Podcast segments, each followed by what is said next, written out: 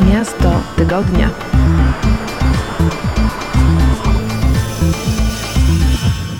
Witam Was wszystkich bardzo serdecznie w audycji Miasto Tygodnia. Nazywam się Błażej Grygiel, a dziś zabiorę Was na wycieczkę do Stanów Zjednoczonych. Posłuchajcie mojej rozmowy z podróżniczką Dorotą Mockało. Dzień dobry, mam na imię Dorota Mockało i jestem podróżniczką. Głównie z zamiłowania, e, troszkę też zawodowo. Jakie jest Twoje miasto tygodnia? Moje miasto to Charleston w południowej Karolinie w Stanach Zjednoczonych. To miasto jest e, dla mnie dość szczególne, ponieważ podczas mojej pracy na superjachtach udało mi się spędzić tam no, całkiem sporo czasu, ponad mm, około dwóch miesięcy, a w tym czasie poznałam tam bardzo sympatycznego mężczyznę, z którym spędziłam tam jeszcze więcej czasu, więc mam taki sentyment do miasta, a, a poza tym to um, było to pierwsze miasto w Stanach Zjednoczonych, które zobaczyłam. Przybyłam do jego brzegów na superjaście 30 grudnia 2018 roku. I mówiono mi, ja muszę przyznać, że wcześniej o tym mieście za bardzo nie słyszałam, mimo że no, podróżuję i się interesuję geografią i miastami i w ogóle, ale jakoś to miasto mi umknęło. Okazało się, mówiono mi, że to miasto jest takie jedno, jednym z najbardziej europejskich miast w Stanach Zjednoczonych. E, kiedy tam dotarłam, to w ogóle tej europejskości w nim nie mogłam odnaleźć. Myślałam sobie, no e, chyba Amerykanie nie wiedzą, jak Europa wygląda, skoro tak mówią. E, ale później, kiedy już udało mi się inne miasta amerykańskie zobaczyć, no to przekonałam się, że rzeczywiście Charleston jest mocno europejskie w porównaniu do reszty. To bardzo ciekawe. Powiedziałabyś, na czym ta różnica polega? Co znaczy, że miasto jest europejskie, a co znaczy, że jest amerykańskie? Charleston jest europejskie pod tym względem, że ma a stare miasto, e, takie no całkiem europejskie, e, oraz po ty, no jest to taka e, część e, miasta, po której można, a w zasadzie nawet należy chodzić e, na piechotę co praktycznie w innych miastach, no może poza Nowym Jorkiem, jest nierealne. Ulice są za wielkie i ogólnie no, ciężko jest, ciężko jest e, przejść się. Natomiast tutaj ta starówka jest taka całkiem, te uliczki są takie małe jak u nas w Europie i można, można przejść. Tam jest dużo takich małych sklepów, różnych butików, e, restauracji oczywiście, różnych i to jest też takie no, mocno europejskie. Raczej w Stanach ciężko o takie małe butiki. Oni bardziej idą w centra handlowe, w wielkie sklepy, więc to jest takie dosyć wyjątkowe na tle, e, na tle innych miast. Rzeczywiście to bardzo ciekawe, bo Ameryka kojarzy mi się właśnie z wielkimi ulicami, mnóstwem samochodów, galerie handlowe, wszystko jest takie bombastyczne i wielkie.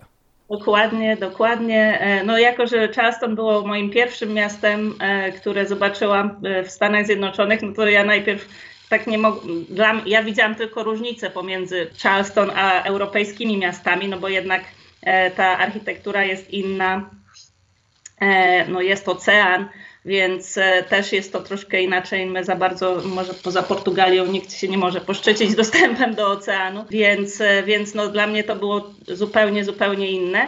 Natomiast, no tak jak mówię, jak kiedy później zobaczyłam wszystkie inne miasta, e, które miałam okazję zobaczyć, no to odkryłam, że rzeczywiście jednak Charleston ma dużo, e, dużo takich wpływów europejskich.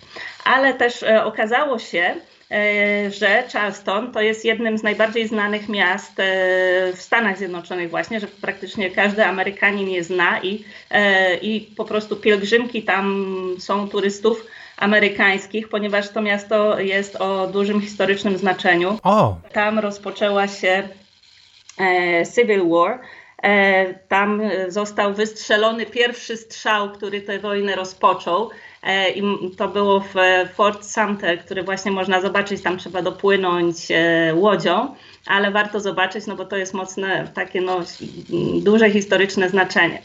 Charleston ma również e, niechlubną historię, ponieważ był to największy rynek niewolników. Tam było większość, większość niewolników, która przypływała właśnie w tamte rejony Stanów Zjednoczonych, no to lądowała w Charleston i tam był wielki rynek, e, gdzie tych niewolników sprzedawano.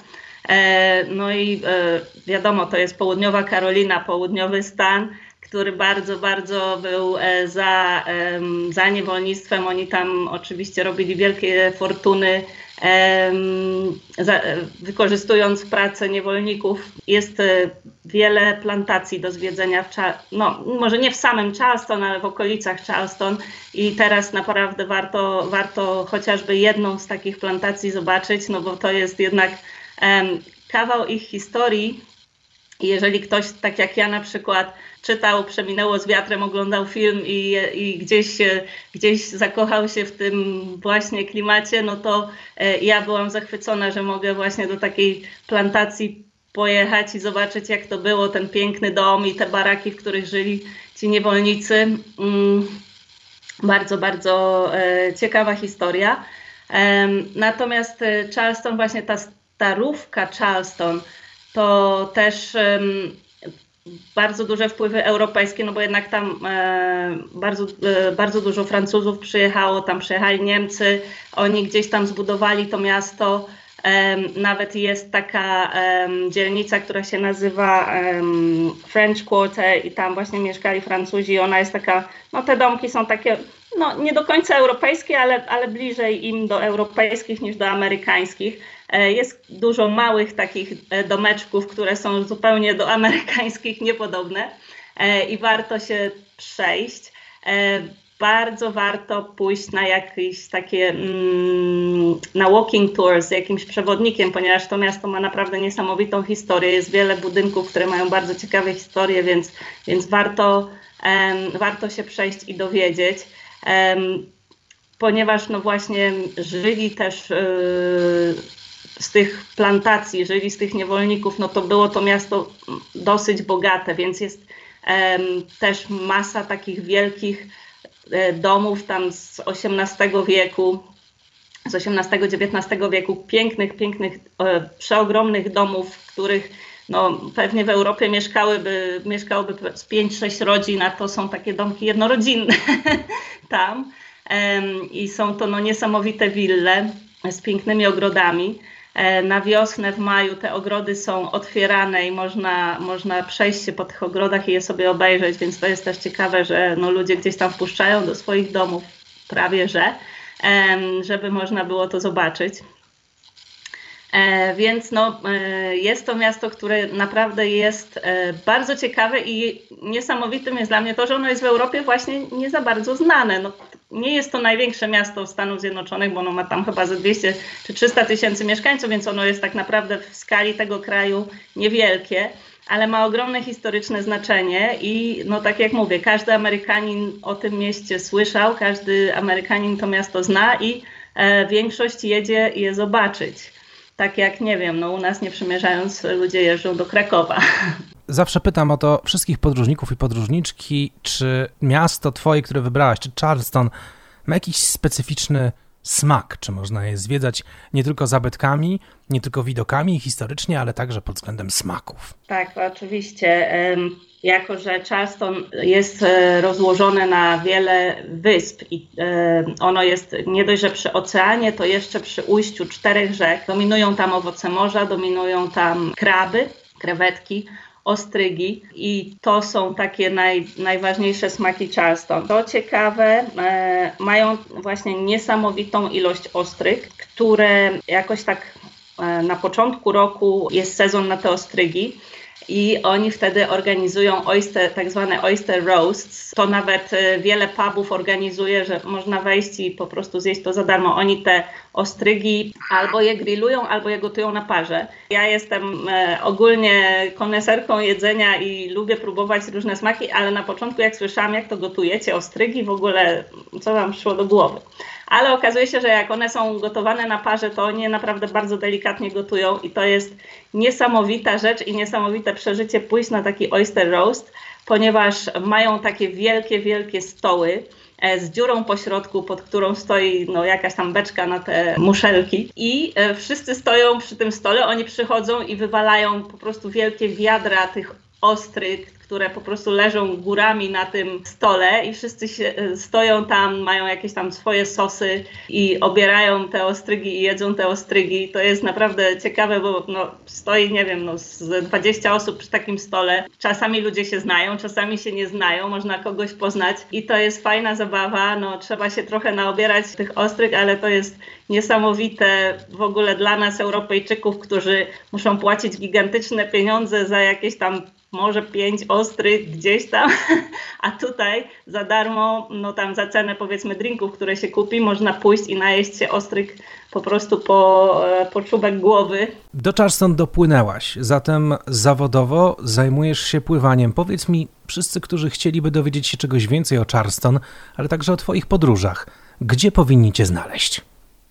E, zapraszam na stronę e, jobonejot.com albo praca na jachcie.pl, to jest ta sama strona. Jest to po polsku i po angielsku. Tam można dowiedzieć się o mojej pracy na jachtach, trochę o mnie i o moich podróżach również.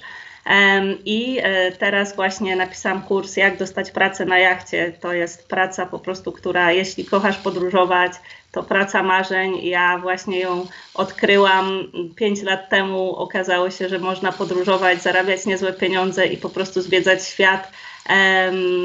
No, e, nielimitowaną ilość podróży w ciągu roku wykonać i właśnie mieszkać sobie w super fajnych miastach na świecie. Mieszkałam w Barcelonie, mieszkałam w Atenach, mieszkałam e, w Palmie, właśnie w Charleston, e, w Miami, także i właśnie nigdy nie płaciłam za nocleg, wręcz mnie płacono, żeby tam być. E, super praca, naprawdę polecam. No i polecam mój kurs, ponieważ tam właśnie mówię, jak tę pracę można dostać. Bardzo Ci dziękuję za tę rozmowę. Dziękuję również.